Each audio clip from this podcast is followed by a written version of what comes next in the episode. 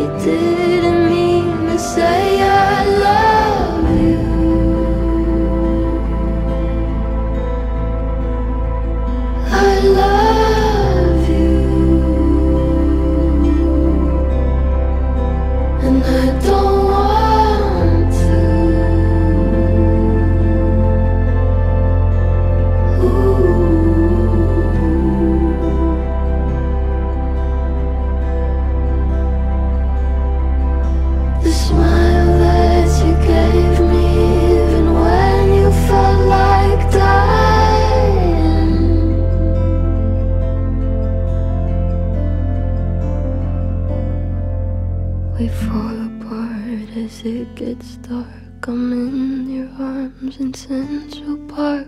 There's nothing you could do or say. I can't escape the way I love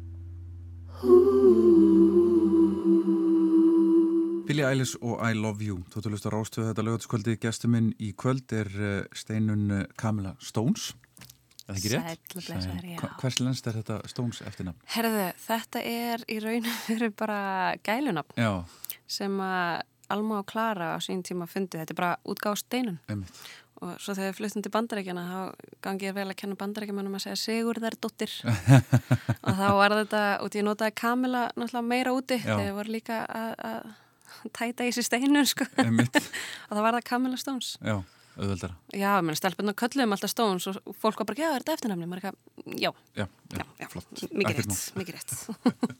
En ég veit, þú varst í, hérna uh, Tjallis og, og, og Nylon. Jú, jú, mikið rétt. Og núna ertu að vinna í, í bara músikbransanum minna heima, eða ekki? Jú, Já, hva, hvert er svona þitt aðalstarf í dag? herri, ég er bara umbóðsmaður Já, maður, ég er maður. Ég, hérna, við Sofja Kristín Jónsdóttir eigum fyrirtæki Iceland Sync Management og við erum með þó nokkra íslenska artista á okkar snærum Mhm. og gerum mislegt eins og Rökku Gröndal eða Auðun, Auðun Lúþers við erum vinna með fylgta fólki Sölbjörg eins og alls konar. Vist þér þetta skemmtilega en að standa á svið og syngja? sko, þetta er allt svo mismunandi, þetta er svona apples and oranges og, hérna, og ég á eftir að sletta bara svo veitir það ég tengdum á mín. Þú talar 30% ennsku hérna um, skemmtilegra nei. Þetta er það bara breytist draumanir hjá mér. Veist, þetta er bara einhver önnur hlið. Mhm, veist það ekki? Ekki? já. Ertu alveg hægt að syngja? Að þú veist, ég syng hérna þú veist, Old MacDonald had a farm fyrir dóttir minn, ég veit ekki hvort það telst með Ef þú fær klapp? Já, ég fæ ekkert alltaf klapp frá henni sko. Erfiðir áhrundópar Já, mjög. Það er, börnin eru harðir kritikerar. Já, mjög Mjög. Herri, þú vildir byrja á, á Billie Eilish mm. á þessari eh, ótrúlegu tónlistakonu sem einhvern veginn bara Dásemd, hún er náttúrulega einhver gemera sko, þú veist, það er ekki eðlilegt að, að þú veist, bara hversu margar gamlar konur búa í þessu líka maður geta haft svona skilning og einhverja tengingu í tónlegin, finnst það ekki ekki en ég valdi sérst I Love You lægi, þetta er svo veist, hún semur allt og, og með bróðsunum og hérna, og hann pródúserar og hérna uh, það er til vídeo þar sem hún er upp á sviði. Hún er búin, búin að vera að spila út um allan heimlunum þar sem hún er að syngja þetta lag með bróðið sínum og þetta er bara ég, bara, ég var ekki búin að heyra lægið áður en ég sá þetta myndband og ég bara fjall fyrir því, það bara náði mér inn á hjartastað Mhm. þú veist, það er svo, svo geggja við hennar hún er bara, hún bara næri þér hún er bara honest og hún er 17. Já, veist, það er náttúrulega bara eitthvað kjafta þér Heldur það? Nei, hún er alveg 17 Já. en það er bara eitthvað bila hvað getur verið svona established artist Já. Þetta er, þú veist, einhvern veginn tónlisti gerir þetta alltaf. Það kemur alltaf einhver, einhver nýr sem að algjörlega hérna, sem betur fer þegar að manni finnst eins og tónlistin sé aðeins svona farin að hvað maður segja, staðina og Mm. það er svona komin öldurnar eru orðnar rólegar Já. og það er bara þessi músík í gangi og hinn músíkin í gangi og þá kemur alltaf einhver annarkvort einhver, einhver eins og Billie Eilish Já. og svona brýtur niður alla Mm. veggi og, og ítur öllu aðeins sko, til hliðar þetta er raun og veru svolítið ástæðan fyrir að ég er tónlist það er, það er tækifæri fyrir alla mm þú mátt gera það svona vilt. Og gerir þetta bara frá veist, þetta er ókslega korni að segja þetta en þú veist bara, þú gerir þetta frá hjartanu og því að hlustandinn veit það.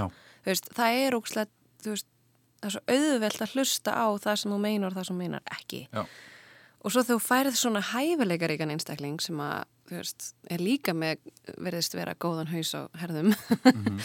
og færið þetta í hendi þá er þetta bara eitthvað svo mikil sleggja og þá bara svona umbyltir það tónlistari yðnaðinum og Já, já. heiminum og núna get ég lofa þér að í ár munum við fá allavega svona tíu Billie Eilish-legar plöt Ö, 100% ef ekki veist. hundrað sko Þetta bæði svo- kvenn og kall Já, já, algjörlega og þú veist sem er líka óslega gaman þetta verður að einhvers konar svona uh, hljóð heimi sem Mhm. fólk verður að pikki Mhm.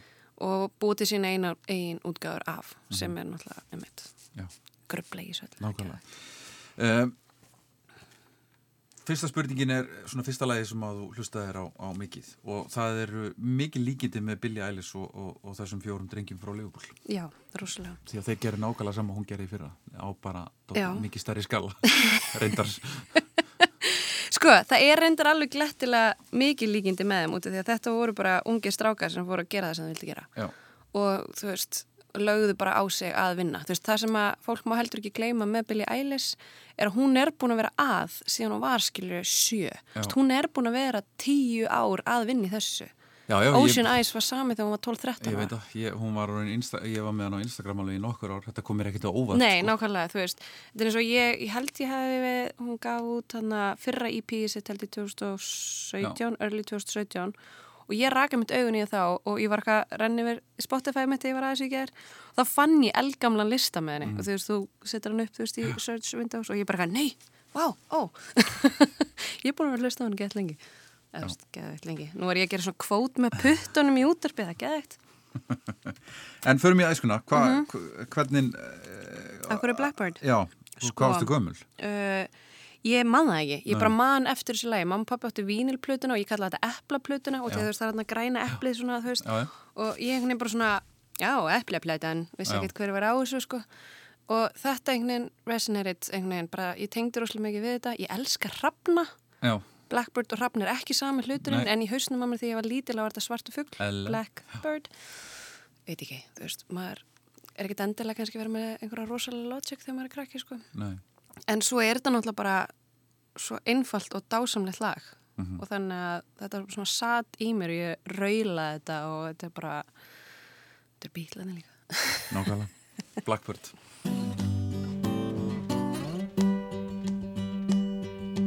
Blackbird singing in the dead of night. Take these broken wings and learn to fly. All your life, you were only waiting for this moment to arise.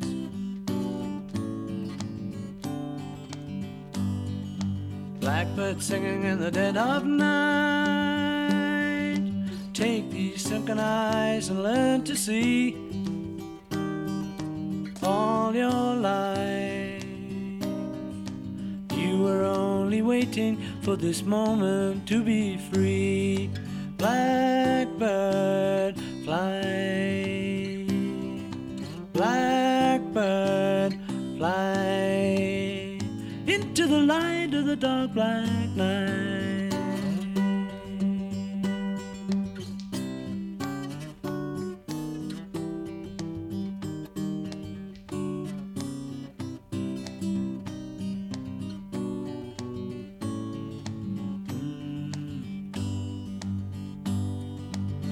Blackbird singing in the dead of night. Take these broken wings and learn to fly. All your life, you were only waiting for this moment to arise. Blackbird, fly. Blackbird, fly into the light of a dark black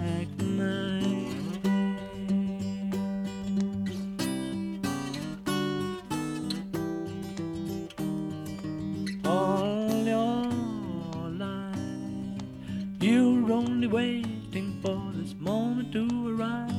You, you were only waiting Bílarnir og uh, Blackbird Steinin Kamila gestur minn í, í kvöld og þetta var svona fyrsta lagi sem að, þú hlustaði mikið á mm -hmm. Varst að taka nálinn alltaf aftur bara og aftur og Já, aftur. ég var ekki ræsandi með þetta sko. Ég, En þetta er nú samt svona lag sem að uh, þólir alveg endur tekna spilun ég held að það hafi svolítið verið ástæðan. Ég held að ég hef alveg verið stoppuð þegar ég var að spila eitthvað kæfti. Það eru fyrstu tónleikasum sem þú fórst á Herðu, ég man það ekki. Nei, Ég, hérna, uh, ég fór alveg nefnilega áfreka mikið á svona einhverjum leiksýningum og dóti með fóröldurum minn, mamma og pappi voru rosaduglega að fara með mig til mér í þjóðleikursið. já, Og ég hef heyrt einhvern veginn orðið hérna, leikusrotta. Ég vissi ekki alveg hvað það var, sko. já, Og ég ætlaði að verða það já, já, þegar ég var stór. og voru fóreldræðinni kannski leikusróttur Já, í haustum á mér. þau voru bara, þú veist, þau voru ekkert í leiklist eða sönga neitt annað, þau voru bara aðdáðandur lista. Og hérna, uh, en, ég, sko, ég var gæðið svona tórn með þetta. Ég var næstu búin að setja lag úr My Fair Lady, út af því að það er leikrið sem ég man svo vel eftir hérna heima í þjóðleikusinu og ég er alveg hugfangin. En tónleikar sem ég fór á, ég fór á Brits 2006 já, og hérna uh, var sérst þar út í að þá vorum við í London, nælon og við okkur var búið að vera með á hérna, velunaháttiðinni og þá sá ég prins, ég vissi ekki að hann væri að fara að vera hann um kvöldið. Já, já, þannig ég sit bara við eitthvað borðið eitthvað, og svo bara kemur þessi geggjaða kvenn hljómsveit sem hann er með trilltasti trommari sem ég hef séð og bara gauðri mætir og tekur bara Purple Rain. Alltaf gefur skíti allt hvað var þar tónlistar, hérna, lengda lögum þú veist, í, í sjónvarsútsendingu allir bara, maður sá svona fólk svitna við einhverja takka, og bara, nei, hann verður að hætta eftir hérna 90 mínútur. Þetta var svo gæðveikt, þetta var svo mikið svona gæsahúð í, þú veist, nýju mínútur mm -hmm. þú veist, það var bilað. Þannig jákvæðs þetta Purple Rain, Prince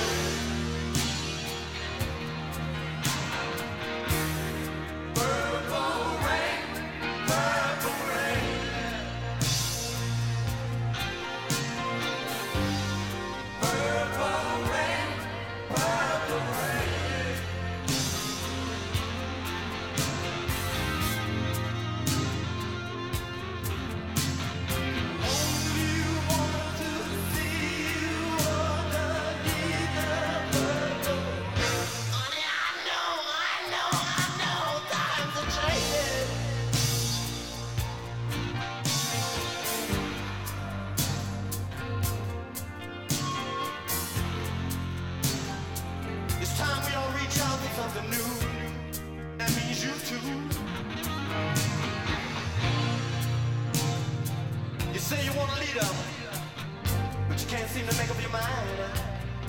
I think you better close it. Let me guide you.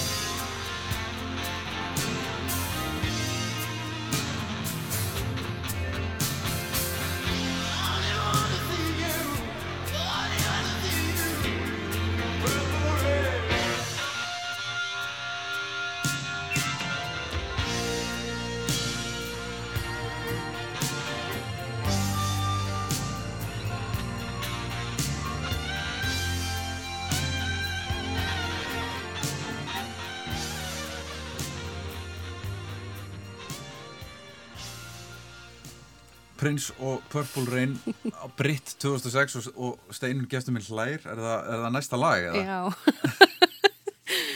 en hvað áðurum við fyrir mig það? Hvað er þetta alveg upp? Herði, ég er alveg upp í Kópavænum. Já.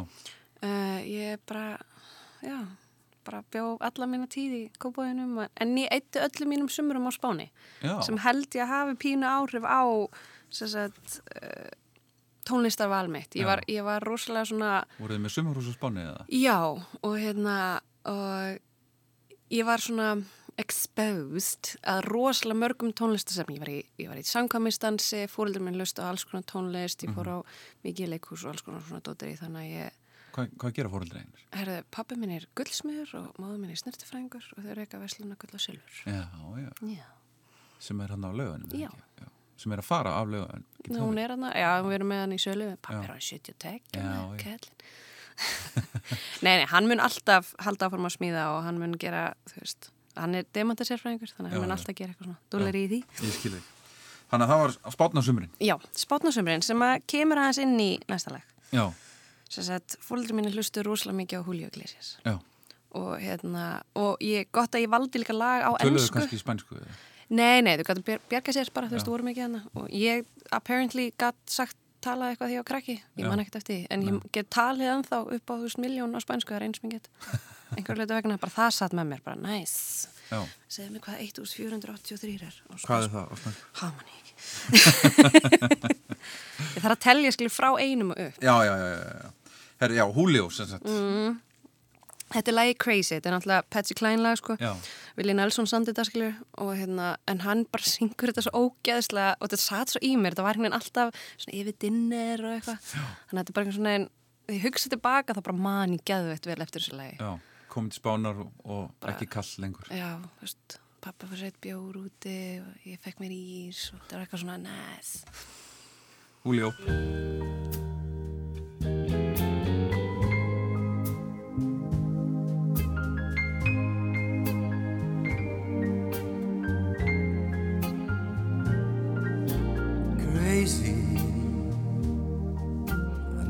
Crazy for feeling so lonely. I'm crazy, crazy for feeling so blue.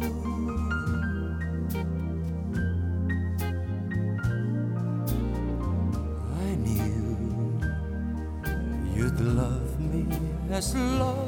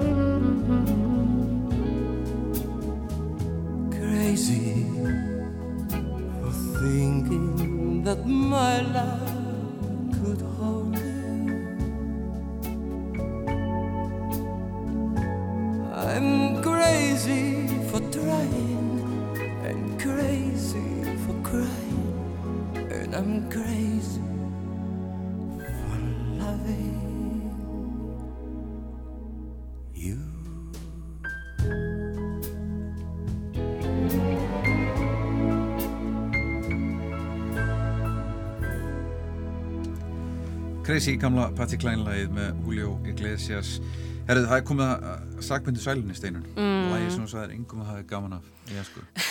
sko, ég er yngst þryggja sistra Já.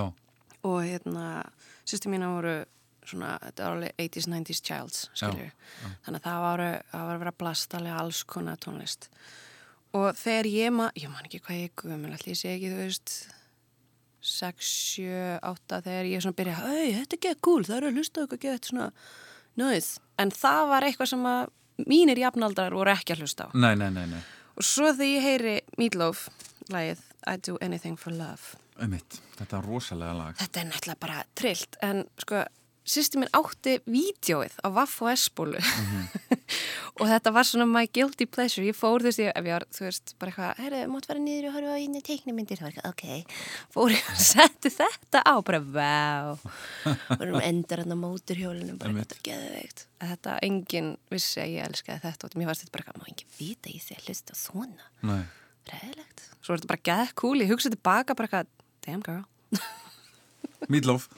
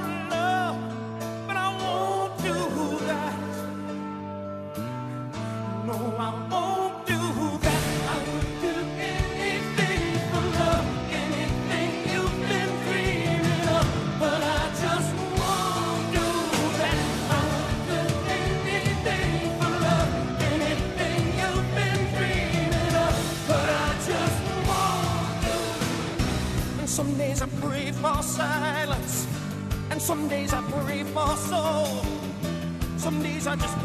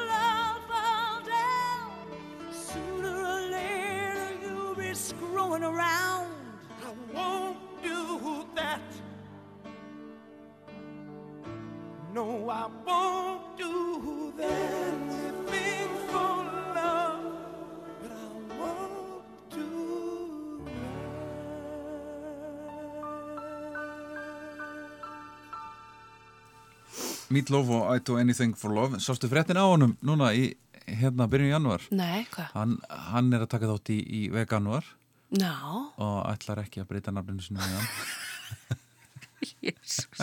Ok, það er endur ógæðislega fyndið. Bara hvað heitir þau? Mít. Hvað borður þau? Ekki mít. Nei, Meatloaf og hann, hann er Hann er Finnst það gott hjá hann, sko? Já, ég fýla það. Herru, nú eru áratöðulögin Mhm. og við byrjum í áttunda áratögnum, 70s Yes. Þar fer í diskóið já. Þú veist, hvað, já, er þetta disco?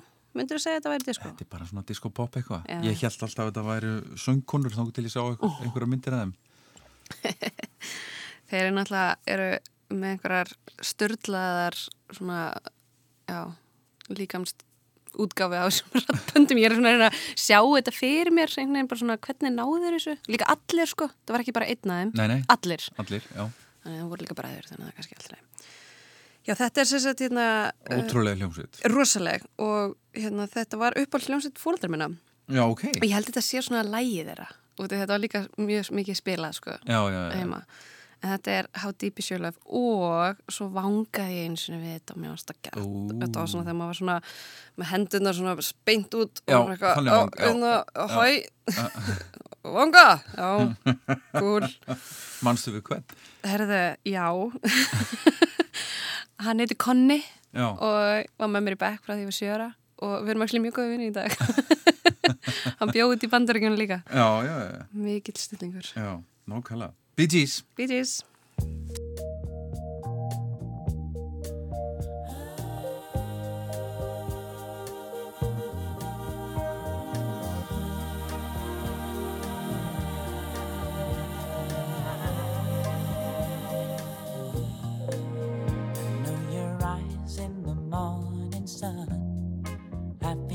touch me in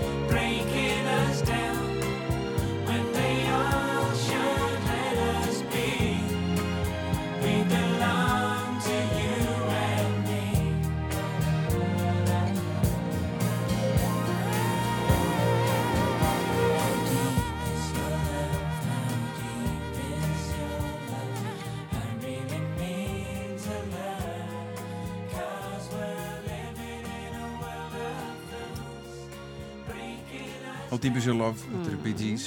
Og hoppuðu tíu ár. Mm. steinun og það var nýjönda áratugurinn. Yes, hann var skemmtilegur. 80'sið? já, Já, ha- eð- sko, já, hann var það. Hann er erfiður sko en, en, en að það var svo mikið svona eitthvað svona upbeat frelsi Já, músiklega æðislegur. Það er svo margt undir. Eh, mjög sko, ég var, mér langaði að geða þetta velja sem að pöngana sko. Já, en það er rosa mikið þarna sem eldist rosalega illa. og alveg rosalega illa. Alveg svona extremely illa svona jafnvel og hárgarisluna sem voru Já, ekki, nefnilega ekki bara nýjönda áratunum var sko áratugur mikil að öfga Já. í öllu já, lita, hár, Já, hárspray mikið af þessari tísku er skjálfileg í dag. Eh, Hefur þú séð Kallmanns jakkaföld Já. áratugs Kallmanns jakkaföld þau eru skjálfileg, Já, já. þau eru algjörlega hræðileg sniðlaus og Akkur voru Og svona víð? Ég veit það ekki. Ég veit það ekki. Og mikið af músikinu líka. Og, en svo, þú veist, svo fer þetta allt í ringi svo verður þetta svalt. Þessi víðu jakkaföld munu koma aftur sko. Ok, miður, sko.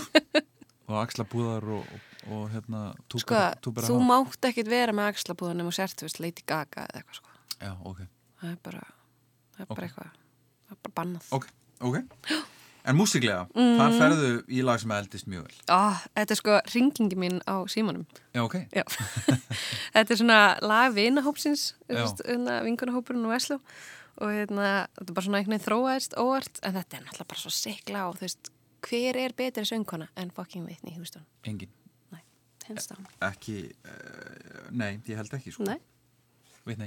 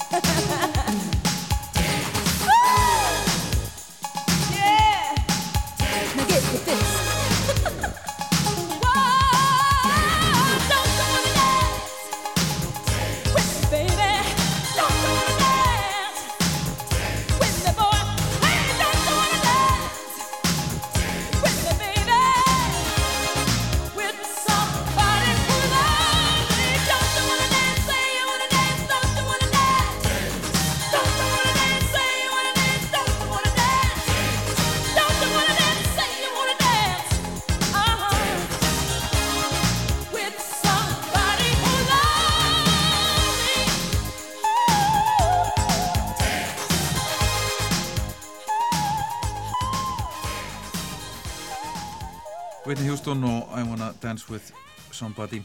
Það eru tíundu áraturinn, mm -hmm. 90'sið Yes.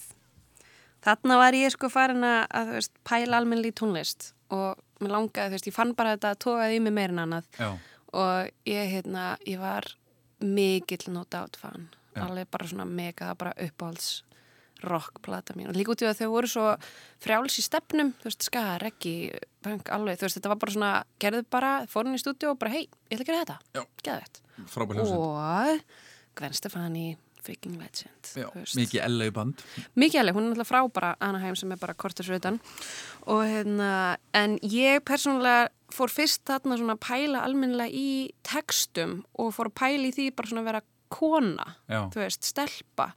Og Just a Girl er náttúrulega bara basically um mannesku sem, eða stelpu sem er svona já, ég er bara með sleifu og þú veist, já, og bara, já og er svona basically svona smá girl power lág ég var þarna svolítið að fatta bara feminisma ógst að djúft en samt bara svona að það, þú veist, án þess að sem að setja einhver leipul á það heldur, var ég bara eitthvað svona hei, já, ég má taka plás já þetta er bara svona, ég má alveg segja það sem ég finnst og gera það sem ég langar að gera og bara, þú veist, veist, alveg upp með þreymur stelpum, þú veist mamma, þú veist, að ég veit ekki, það var bara svona einhvern veginn já, eðlilegu hluti fyrir mig. Mhm, Nákvæmlega No doubt yes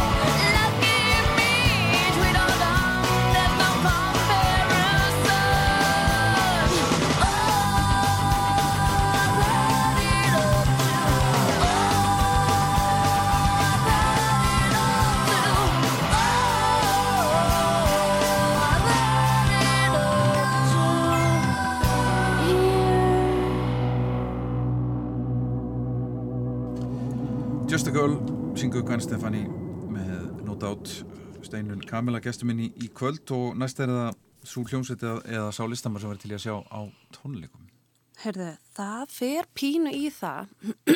ég, er, ég var svona renni við listan og við vorum að tala um þetta aðan að ég eitthvað sérst mikið af mín tíma á Spáni sem bann að það er smá skýrskötun í það á svo mörgum stöðum. Það er tvent í raun og verið. Það er þessi, þessi dansandi rithmi í latín tónlist Já. og gítar. Það er eitthvað við þetta tvent bara sem ég er alveg sjúki. Og einhvern veginn, ef þú getur tekið þessar gömlu hefðir og settið einhvern svona modern búning, þá ertu með náttúrulega Rosalia. þú, veist, þú veist, þetta er bara þessi unga snót. Maður notar ekki þetta orða nú mikið. Uh, hún er spænsk og hún er að nota sko spænska þjóðlega tónlist í poppi. Já. og það er geðveikt, Já. sick. Svo er náttúrulega bara geggjuð á sviði, ég er búin að sjá miljón vídeo þannig að ég er sjúklega Mikill- spennt mikill aðdáðandi, bara geggjuð Rosalia og þú velur lag sem heitir uh, Malamente. Malamente.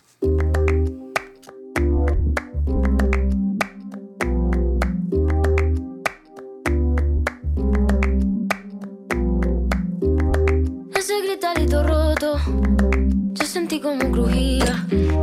Antes de caerse al suelo, ya sabía que se rompía. Uh, está parpadeando la luz del descansillo. Una voz de la escalera, alguien cruzando el pasillo.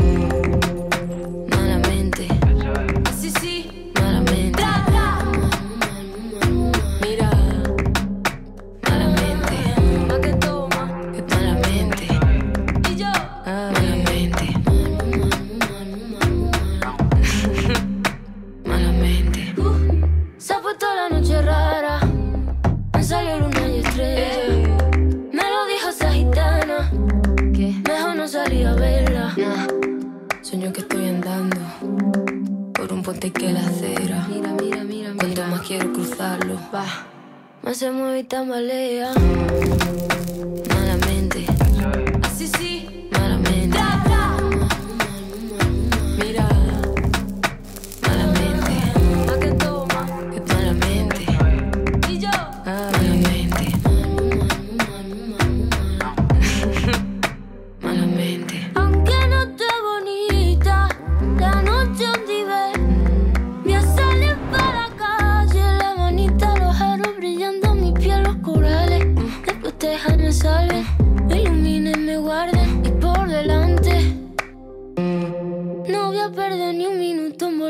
Pensarte.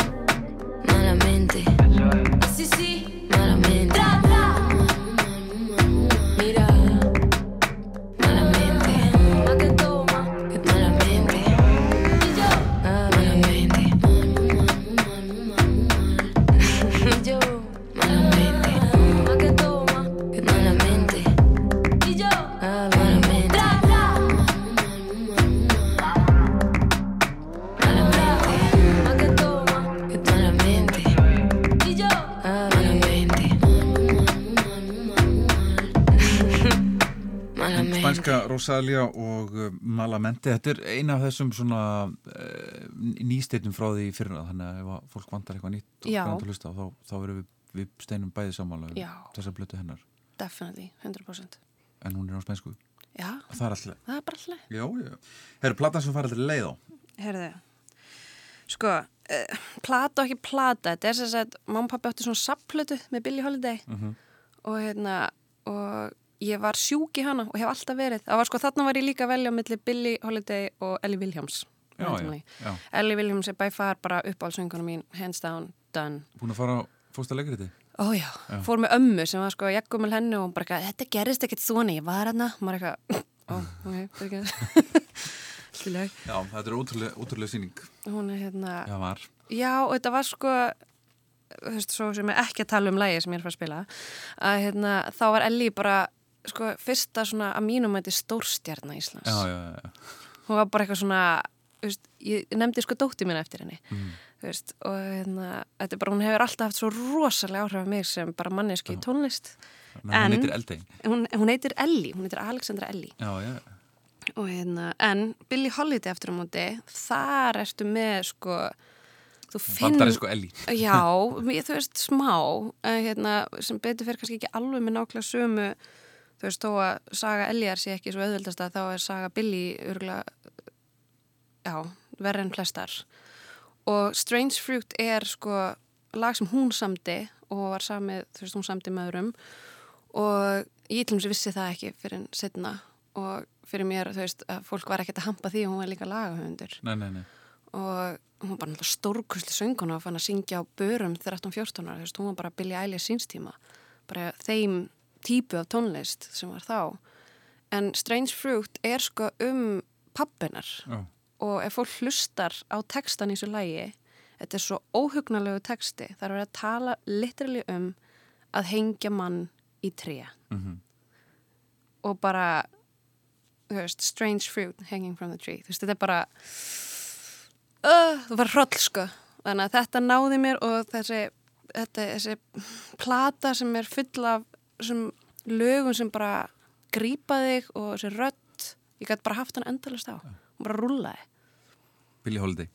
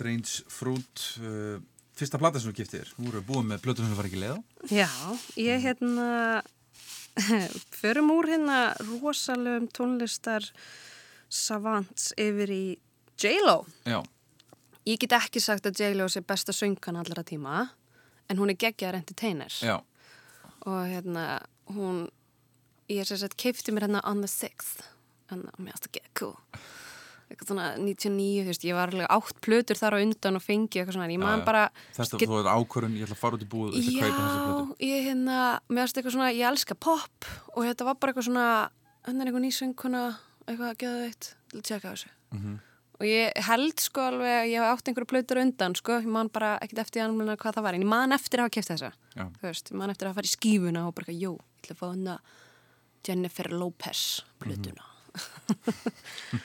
og þetta er eitna, If You Had My Love. Þetta var bara svona hennar hittari bara svona hennar breykin í bransan í tónlist. Og hún er búin að vera að gera fullt í leiklist og dansi. Jello mm -hmm.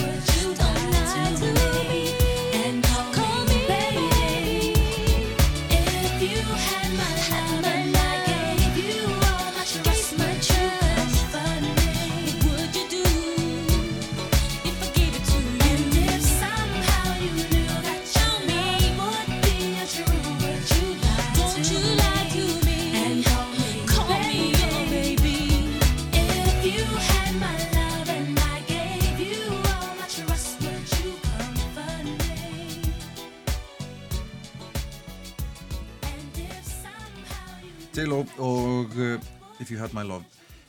Sko ég er samanlega með, með Jennifer hún er ekki besta söngkonan en hún er mikill skemmtikraftur.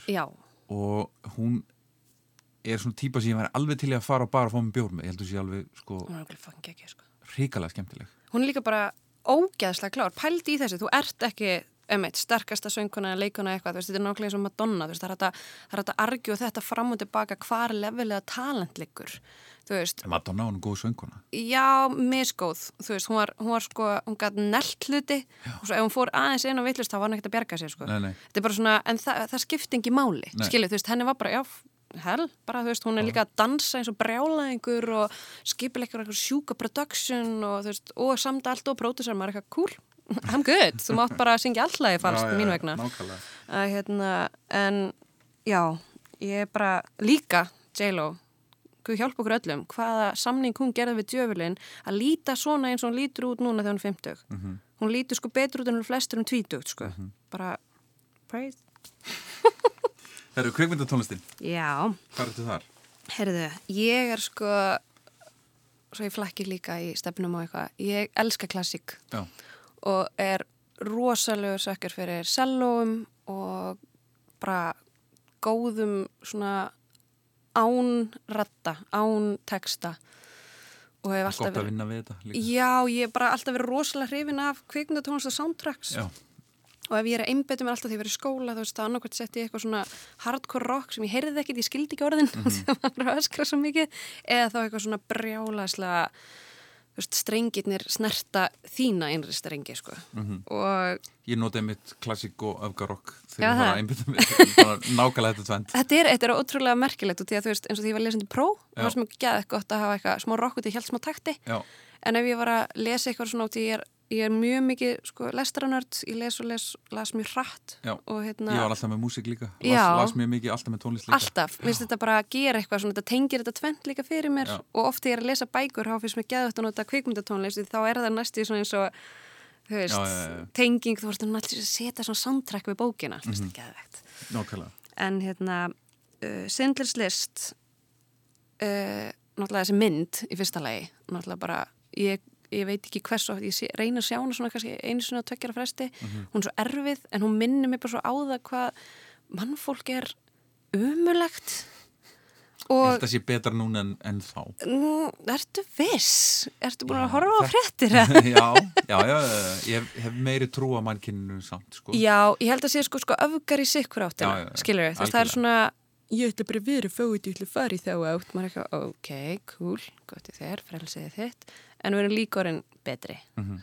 en já, sindlislist er bara svona táraflóðus geðviki og þemað úr þessari mynd er stórkostlegt. Þannig að ég bara þetta er bæfar mitt, hins þá poppa upp um leið og ég sá þessa spurningu. Sýndislist.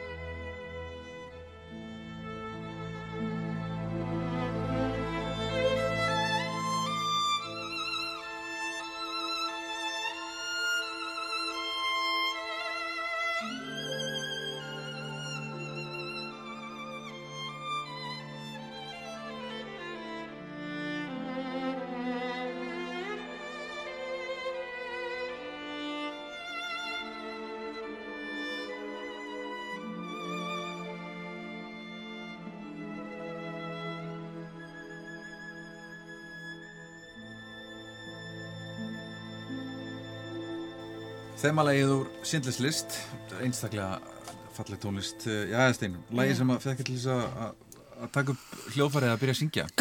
Og spilar á hljóðfæri. Herri, ég spilaði eins og gítar, mjög illa.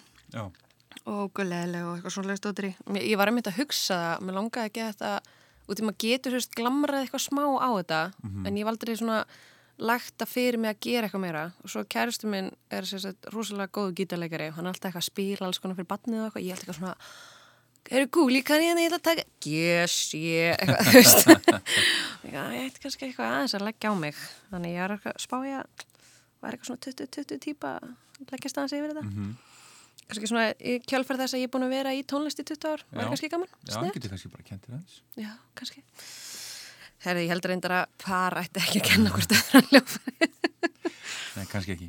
Nei, en lægi sem að fekk mig til að læra á hljófæri að syngja uh, ég byrjaði að læra á gítar hjá krakki en, en það er þessar 90s power balluður sem að fengu mig til að bara, fuck, já, ég vil fara að syngja og góla og bara, mm. mérstu geðveikt. Og hérna, ég var með tvö hérna, alveg classic 90s sko, Mariah Carey, Hero og Power of Love með Celine Dion sko. Já, og ég ætti rosalega erfitt með að velja milli sko, en Hero var kannski svona meira sönglega séð. Nei, samt ekki sorry, þetta er bara 50-50 Vilt þú velja? ég, nei, þú ræður.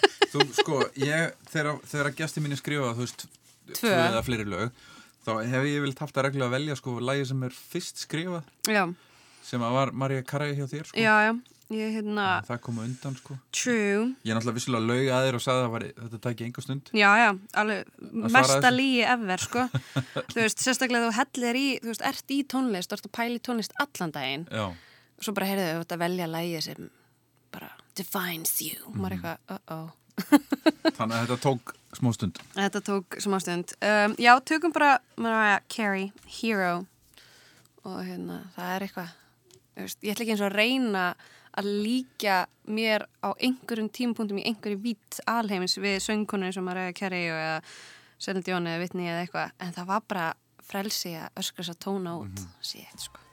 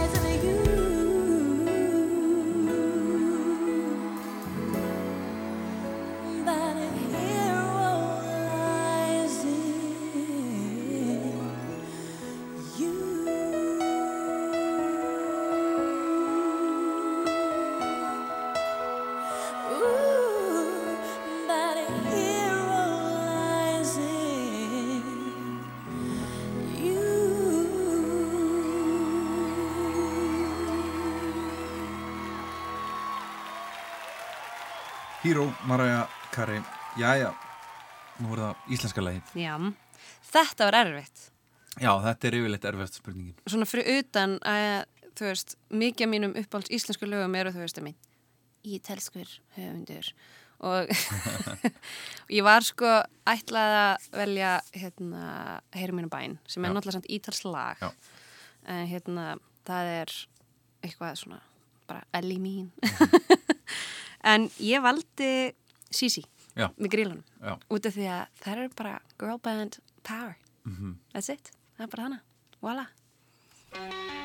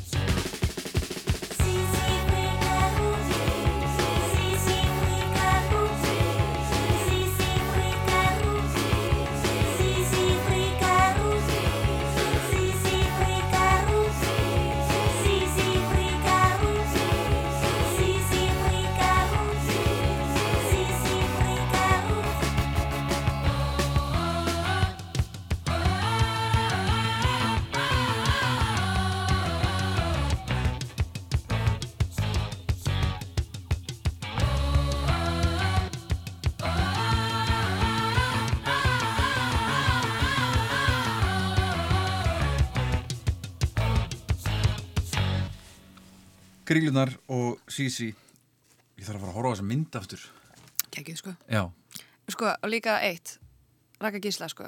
já, Veit fólk hvað hún er klár? uh, já Ok, cool. Já, já, hún er alveg Það Nei, er bara, þú Það veist- er bara einraka gísla sko Það er, og þú veist, hún er náttúrulega, minnst hún svo geggjuð, sko.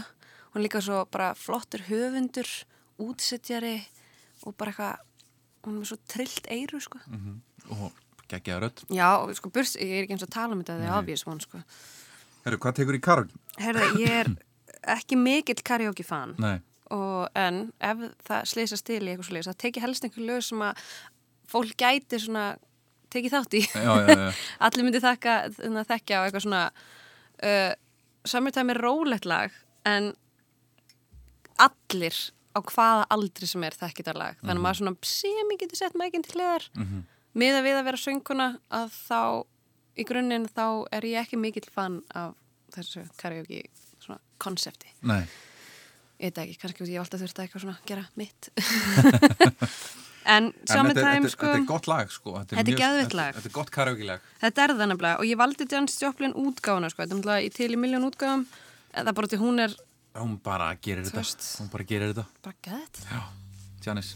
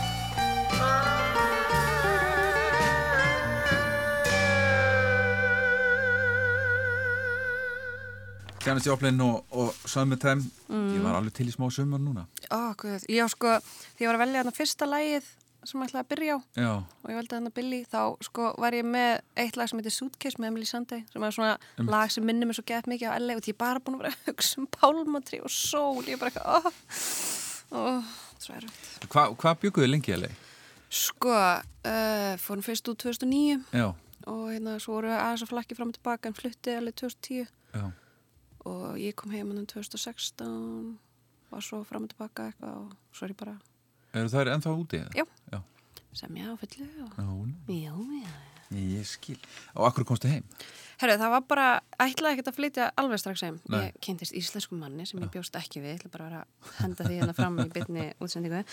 Ish. Að hérna, uh, og ég kom heim með hundi minn og svo fór ég að vinna með öldudís og hérna, og þá duttu við svo inn í Eurovision. Svo allt í einu var ég bara búin að vera á Íslandi í sex mánu Já, með tvær ferðartuskur. Já. Bara eitthvað, ó, ah, já, kannski er ég flytt. Cool. Þannig að þú ert ennþá, þú ert búin að taka upp á ferðartöskunum Ég er búin að taka upp á ferðartöskunum og fara þó nokkuð margar ferðir eftir til að sækja svona dót. Passa mig að geima alltaf eitthvað smá þenni þegar að fara og sækja. Nei, nei, þú veist, heima er Ísland og mun alltaf vera út í, þú veist, bara, þú veist, alin upp hér, en heima er líka leið. Það Já, er bara, fyrir mér er þetta bara partur af mér og er, mun alltaf vera það. Mhm. En ég ljósi til dæmis aðstæðna í bandaríkjunum er ég ekkert brjálæslega spennt að búa þar í augnablikinu En LA er nú svona dóltið út fyrir. Já og nei, en þú veist, þetta er bara að vera kona sem er uh, ekki með fasta búsetu í bandaríkjunum og vinna í listum, þetta er ekki öðveld, sko. Nei, Ég rak mig á þetta, þú veist, áður en að elsku Trump mætti á svæði, sko. já, það. Já, já, þú veist, þetta er vísamál og þú veist, hvað, hvað vinnur þú mátt vera með, þú veist, meðfram þegar við vorum bara eitthvað að harka í tónlist, Já, þú veist, það máttu við ekki vinna við hvaða vinnu sem er úti þegar það er ekki samkvæmt einhver lista á vísan okkar já, já, já. og hérna, núna var auðvitað að sagt að mér fyrir eitthvað en ég vandlum svo veitingastað sem var með þessar tónlistar, tónleika leifi og ég var skráð sem eh, skemmtikraftur sem að fólst í því að bera mataborð Já, já, já. en hérna, þannig ég gæti svona tekið lægið ef að hérna, einhver frá útlendinga eftirlitinu mætti á svæði Sem hann alltaf gerist aldrei. Nei, Nei. og eins sorglegt á hljómar þá var ég að vinna með sko, fullt af fólki á mörgum kynþáttum og það kom alveg fyrir að það samt, e, mæta Já, og tjekka og hérna, það var engungu tjekka þeim sem voru hispanic eða asískir. Ég var hvítastelpan, það var aldrei talað um mig. Nei, einmitt. maður bara kann, ég er eina sem er ólölu hérna. En hvað, þú, LA er náttúrulega uh, sturli borg, það er Mm. engin borg í heiminum lík LA, Nei, þetta er svo mikið algjörlega- melting pot sko. úník. sko, í fyrsta leið það var ekki einn downtown í LA, það það er svona átta. Já, og það er engin kjarni sem Nei. að lýsir bæn, eða þú veist, bæn, wow, lol að hérna, þessari, þessari þyrpingu af borgum sem að LA er já, þú veist, þú getur verið inn í LA og þú getur keirt tvo tímúrt ennþá inn í LA það tekur allt tvo tími í LA. Fyrir það. Þú veist, traffík er eitthvað sem að, þú veist, þú bara, við fundum leiðir til að vera bara geðveitt productive í bílnum. Já. Við tókum, þú veist, ég vil alltaf að við vorum að fara í stúdíu og þá bara, Þannig að föstudagstrafikkin í Reykjavík er ekki neitt. Það bara joke, fyndið, sko. en eins pyrra maður getur verið á traffík, þá hef ég alltaf svona, veist, ég er ekki með road race nema og sérst bara fávitjum fyrir Já, henni. En ég get alveg chillað í einhver tíma, þú veist, það trubla mig minna. Mhm. En ef þú ert eitthvað, kannt ekki að keira, þá, þú veist. En þetta er, þetta er, þetta er frábæð borg, hún er, hún er pínu erfið, sko. Sko, þetta er, ef þú mætir þarna, þá annarkvæmt elskar eða hattar hann. Það er bara, það er ekkit inn á milli. Já. Þetta er, Ég er enda búin að fara þarna einu sinni og ég er ennþá bara ákveða mig, sko. já það, Já, ok. Ég yfirleitt fæ svona frá fólki bara svona, hvað ég get ekki. Eða, ok, ég er bara, ég er bara flytja út núna. já, já. Þú já. veist, það er svolítið þar. Uh, En New York til dæmis greip mig alveg. Ég Já. elska New York. ég elskar bara- New York líka, en ég myndi ekki vilja búa þar. Nei, ég var til í að flytja þóka bara á eftir, sko. Ok, ég þekki einn sem að,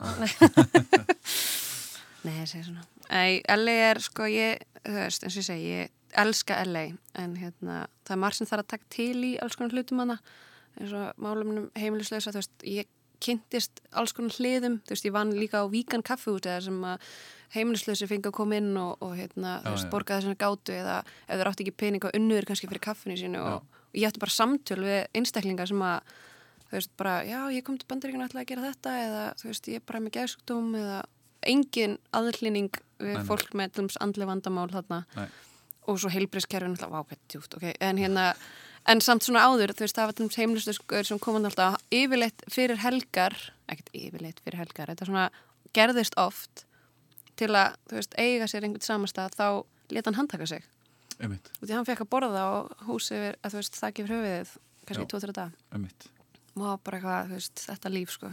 Það var maður rosa þakkláttu fyrir það sem maður hafiði og var ekki að kvarti yfir einhverjum 8 dólarum á tíman og bara ég er að fá að harka og að lifa minn draum þó að draumun sé ekkit auðveldastur Mhm. að þá einhvern veginn og þessi vita fólki, þú veist kynþættir, áhugamálum starfskreinar, þú veist bakgrunnur, þú veist allt þetta, þú veist að koma svo frá Íslandi þar sem við erum svolítið einangur svolítið bændasamfélag á góðan hátt sko við erum einfaldari en maður kannski gerir sér grein fyrir þegar maður kemur svo út í svona heim. Já, já, ég myndi bara benda öllum alltaf að vika sjóndendurringi með því að búa að minnskosti þó að sé ekki um hálft ári einhver staðar. Já, bara víðsýni. Og þú veist og ég var líka sammóti svo þakklátt fyrir Ísland. Verður til dæmis að vera Íslands kona. Veist, besti staðar í heimi til að vera kona. Svo kemur þetta bandaríkjan það sem var svona vinan og mansplaining og það bara, ó, krútið þitt þegiði, maður er eitthvað hæ, nei þegið þú? Bara hvað ertu að tala um? Það var ekki komið á þann stað þar. Nei, nei. þannig að svona menningarheimar, þetta er áhugavert sko. Ferðalögin, Já, það er mikið ferðarlega þangað. já, Sko, ég hendi úr sloft Ed Sheeran bara á. Já. og því að þú veist, Ed Sheeran er bara Ed Sheeran og það er einhvern veginn allt sem hann gerir er bara geðveikt og það er svo góðu þægilegu taktur í því. That being said, þá er ég búin að vera svolítið obsessed á konu eða stelpa sem heitir Maggie Rogers. Og Frábær. geggjuð, hún gaf alltaf sem heitir Alaska út fyrir nokkrum árum að þú veist, tveim, þreim árum og hérna það er eitthvað svona rosalega svona léttleiki og þægindi yfir röddinn hennar. Og svo var með lag hérna sem heitir Give a Little sem ég er svo geggjað. Og mér finnst rosalega þægild að setja hann á þeir í flugvél eða einmitt í trafík eða eitthvað svona, það er bara svona mjög þægilegt fyrir eirun Maggie Rogers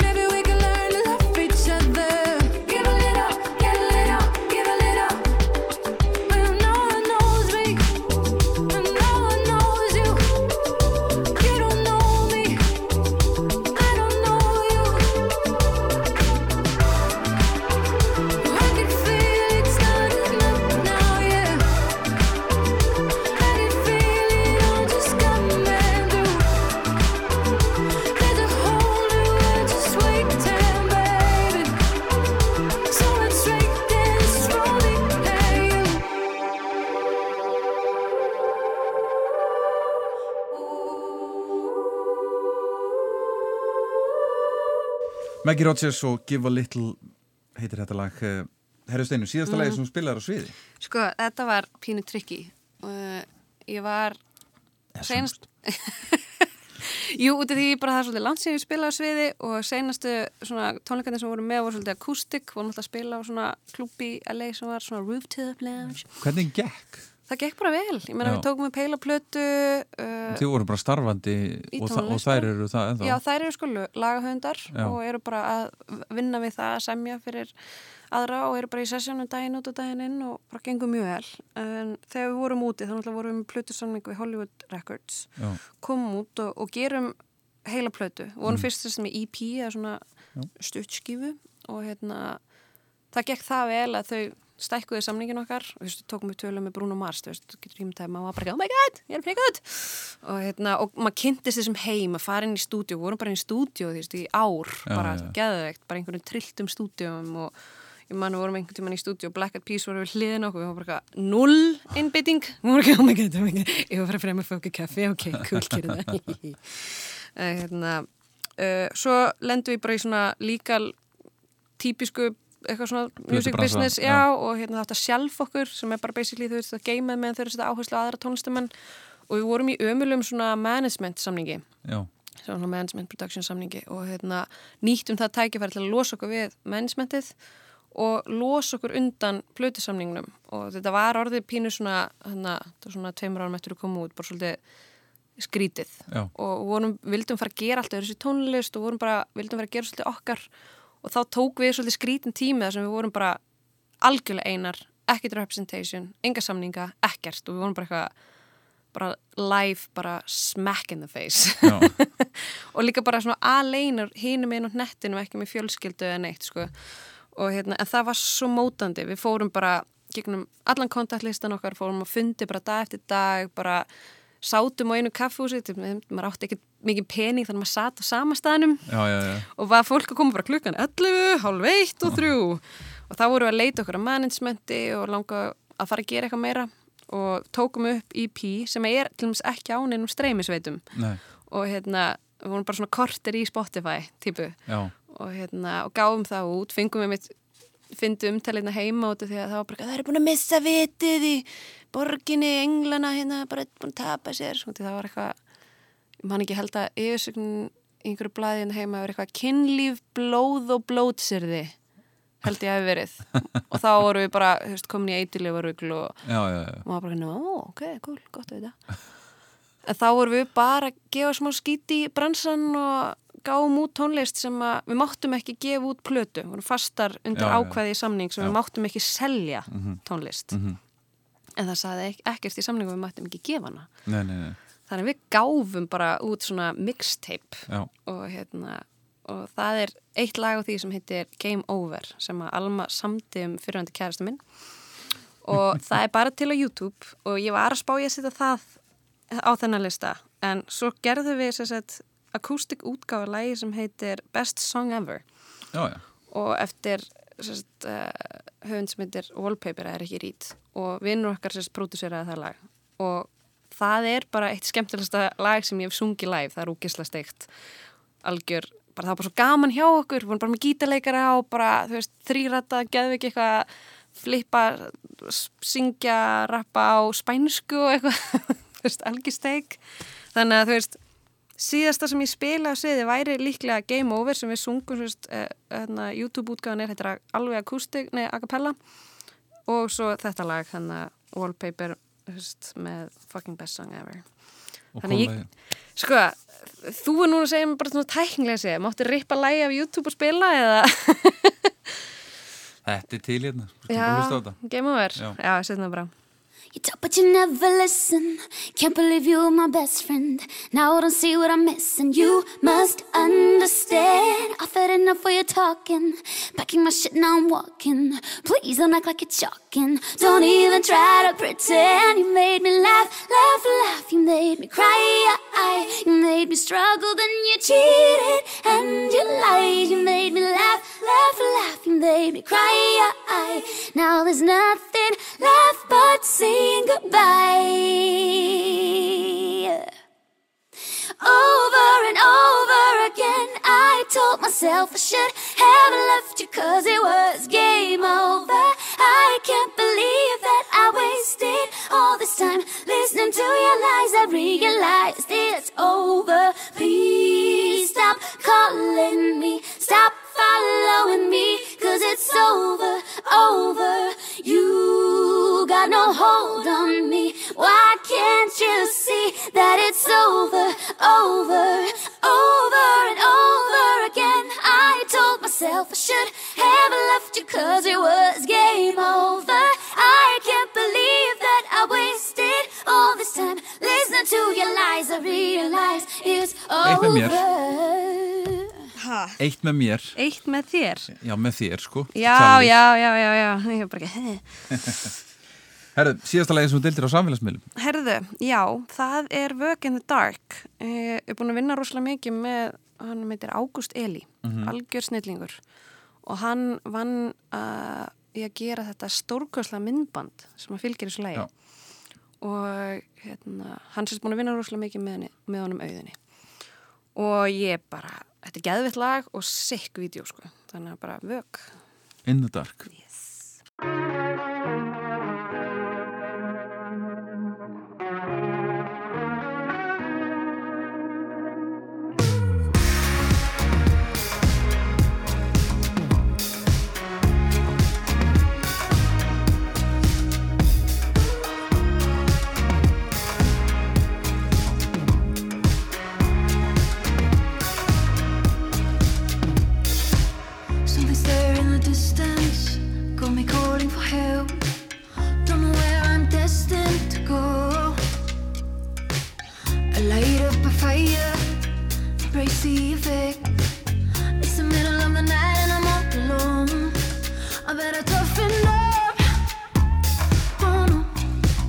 I better toughen up. Things will get me alone. Cause there's something in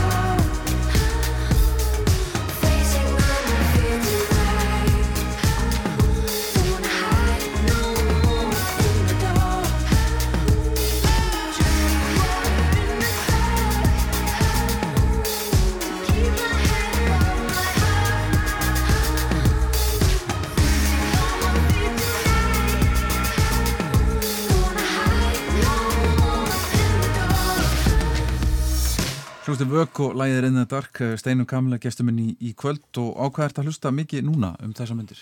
Uh, ég sko var alveg sjúk í Cautious Clay sem var hérna á Já.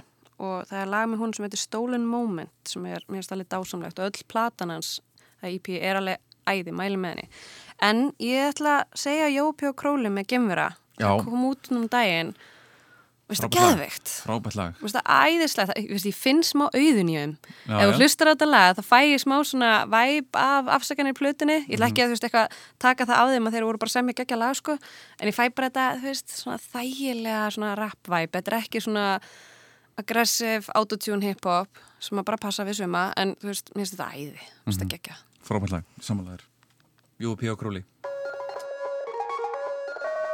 Sáfbeldi, gerfi brós og glópa gull Upplefi stjórnleysi, ætli að það seti guð. Er ég ansettin, ég er að reyna að tappa át Missi mig 36 tíma blackout. Er ég að bakka á jaðarspegil ratsjá. Hann skotan sír á nýja drukna en ég kafbát Föðmust með tungunni, ég fíla hitta þinn Hörðinn er opinn, viltu kíkja inn í kofan minn? Held að ég sé hrættu við þig Ertu kannski geimvera Er samt meira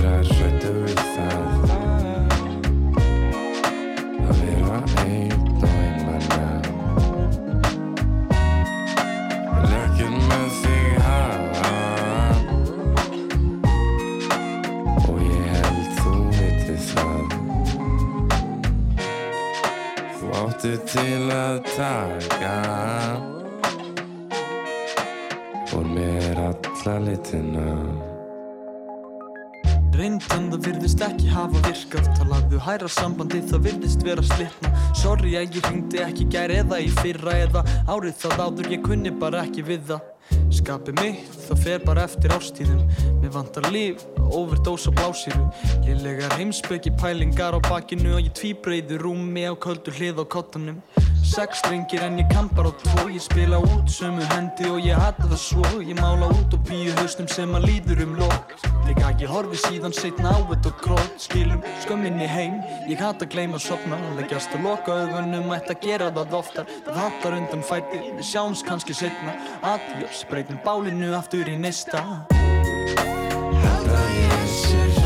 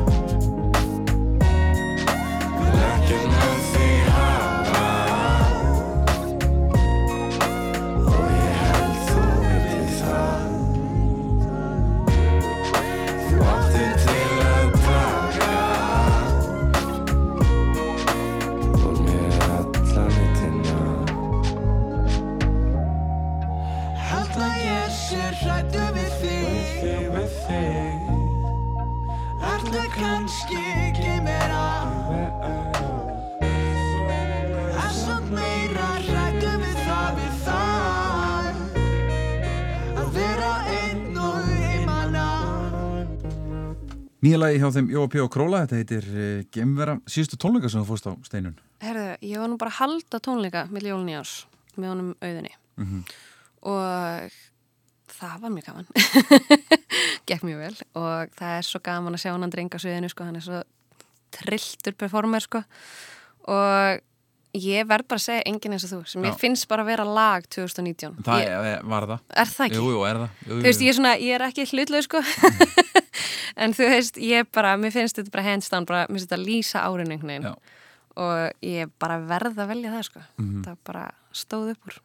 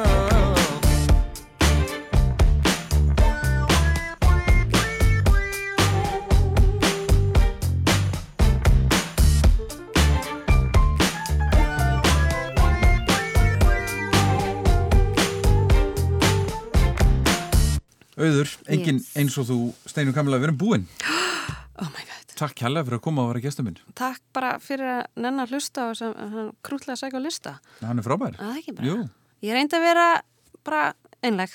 Já að Ég er nefnilega sko fæ stundum þegar ég er að bóka gesti í hennar þátt þá koma sömur að segja Nei, ég er með svo lélegan tónlistasmekk það er ekki til lélugur Nei. tónlistasmekkur. Það er nefnilega það sem ég segi Það er ekki til lélegu tónlistasmekkur Það er bara til tónlistasmekkur Mm. og hann er þinn og minn og minn er svona og þinn er hins einn og, og ef, ef þú fýlar eitthvað eða ég fýlar eitthvað eða einhver annar fýlar þá bara er það gott Já. Það er bara allir með sinn góða tónlistasmekk Sem betur fer Já. er fólk með mismöndi sem er pældi vallir að vera bara hlusta væri sama. hræðilegt. Bara eitthvað, uh, Það var ræðilegt. Svo má diskutera og rífast og, og ræða um, um músíka því að tónlist hérna um, krefur mann um viðbrað. já. Þetta er svolítið heimsbyggi í tónlist að því leiti er að þetta er náttúrulega bara speklun á þínu. Þú getur ekki ætlast til að það sem þú segir að sé gott sé gott fyrir aðra. Nei. Þú veist, það er að diskutera hvort að nóta sér rétt eða ekki eða eitthvað svoleiðis. Mhm. Það er svona fact, sé er sé og er á vissum stað á píanónu og hljófarunum og það. Og, og málverk líka, Já, já. blá- blár er blár. Já, þú veist, bara þú veist svona, já, praktík. En tilfinningar og skoðanir er eitthvað sem er bara þitt. Mhm. Það er ekki hægt að, hægt að dæma það.